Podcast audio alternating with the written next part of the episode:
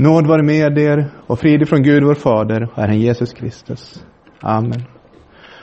Hör så Herrens ord i dagens evangelietext, den tredje söndagen efter trettondagen.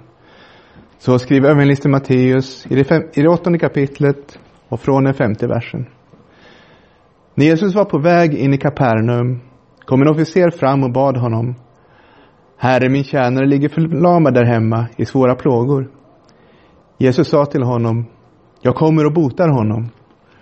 Officeren svarade, Herre, jag är inte värd att du går in under mitt tak, men säg bara ett ord så blir min tjänare frisk.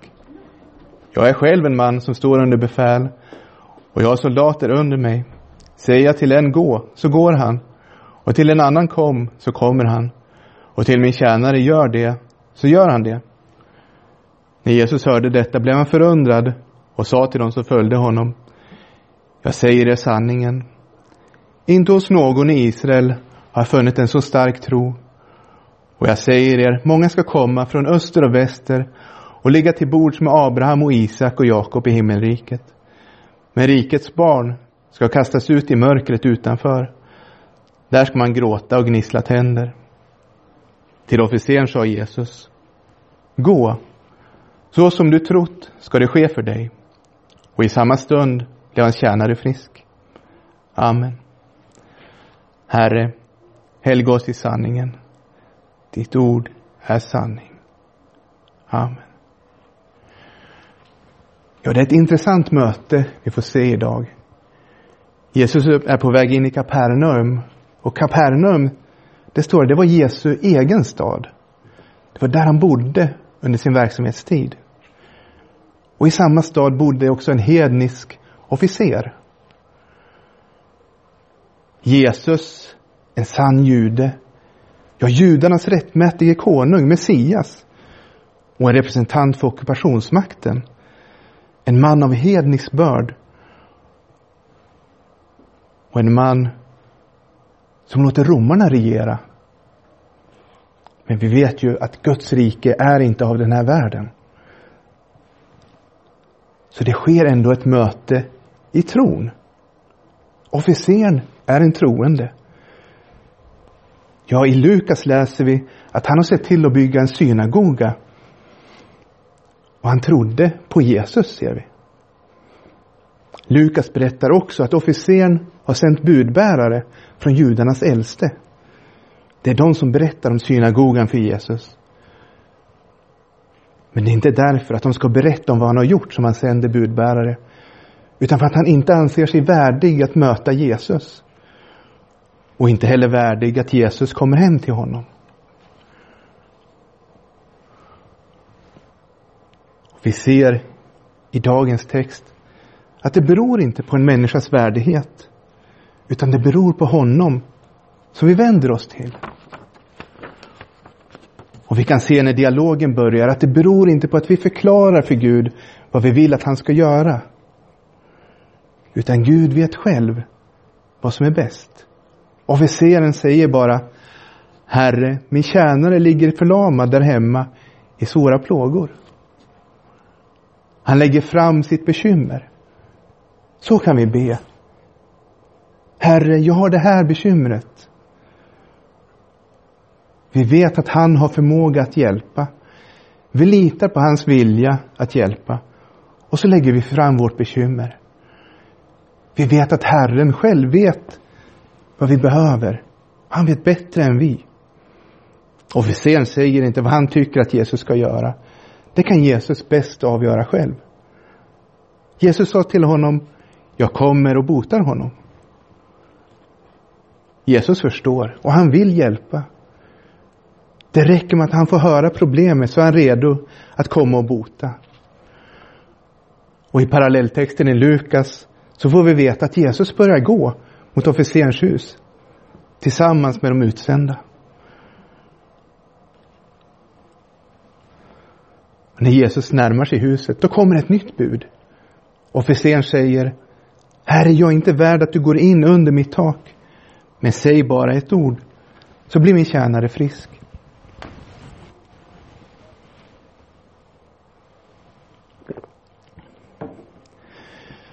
Vi kan tänka på det Petrus säger när han besöker Cornelius. Ni vet att det är förbjudet för en judisk man att umgås med eller besöka en hedning. Men Gud har visat mig att man inte ska kalla någon människa ohelig eller oren. Det fanns judiska traditioner om att man inte skulle besöka hedningar. Och det är den omtanken den hedniska officeren visar Jesus. Han vill inte att Jesus ska bli orenad, även om det här inte står i Mose lag. Så kanske officeren inte förstår just det. Han visar omtanke, men han visar ju också tro. Säg bara ett ord så blir min tjänare frisk. Jesus skulle inte ha några problem att bryta mot traditioner som går utöver skriften. Om det hade behövts så hade han följt med hem till officeren och botat hans tjänare. Men både officeren och Jesus vet att det är inte nödvändigt. Det som är nödvändigt är att Jesus säger ett ord. Det är nödvändigt och det är tillräckligt. Officeren gör en liten utläggning som visar att han verkligen tror och förstår. Jag är själv en man som står under befäl och jag har soldater under mig. Säger jag till en gå, så går han. Och till en annan kom, så kommer han. Och till min tjänare, gör, gör det här, så gör han det. Ja, när officeren får en befallning så utför han den. Han står under befäl och han har andra under sig. Det han säger åt dem att göra, det gör de. Och det är ju uppenbart vad det betyder i det här sammanhanget. Officeren har en tjänare som är sjuk och här är officeren maktlös. Han kan inte få sjukdomen att lämna tjänaren. Sjukdomen lyder inte under officeren. Men Jesus kan bota tjänaren. Jesus har makt över sjukdomarna. Säg bara ett ord så blir min tjänare frisk. När Jesus hörde detta blev han förundrad och sa till dem som följde honom. Jag säger er sanningen, inte hos någon i Israel har jag funnit en så stark tro. Ja, vi läser ju om Israel och dess folk. När Paulus skriver, de är israeliter, de har barnaskapet och härligheten, förbunden och lagen, tempelgudstjänsten och löftena. De har fäderna och från dem har Kristus kommit som människa, han som är över allting, Gud välsignade i evighet. Amen. Ja, de hade fått gudstjänsten och skriften så att de skulle tro. Men vi vet att ofta var det inte så. Och det är en varning också för oss. Man kan missa rikedomen som Gud har gett oss. Man kan bli nöjd med sig själv. Så tappar man behovet av Kristus som man upplever det. Nej, när vi ser att vi är fattiga, att vi inte är värdiga, vi är inte värdiga att Kristus kommer till oss, då är tron också nära. Som hos officeren. Herre, jag är inte värd att du går in under mitt tak, men säg bara ett ord så blir min tjänare frisk. Jesus fortsätter och jag säger er, många ska komma från öster och väster och ligga till bords med Abraham och Isak och Jakob i himmelriket. Men rikets barn ska kastas ut i mörkret utanför. Där ska man gråta och gnissla tänder. Ni kanske har sett ett klipp som går på Facebook just nu från SVT. Fredrik Lindström pratar om att svenskarna är liksom standby religiösa. Och ser man lite djupare så påminner det om judarnas inställning. Svensken har liksom inget behov av Gud just nu. Kanske sen att man får behov som bara Gud kan möta. Men man väntar tills då. Och publiken i klippet, de skrattar och verkar känna igen sig.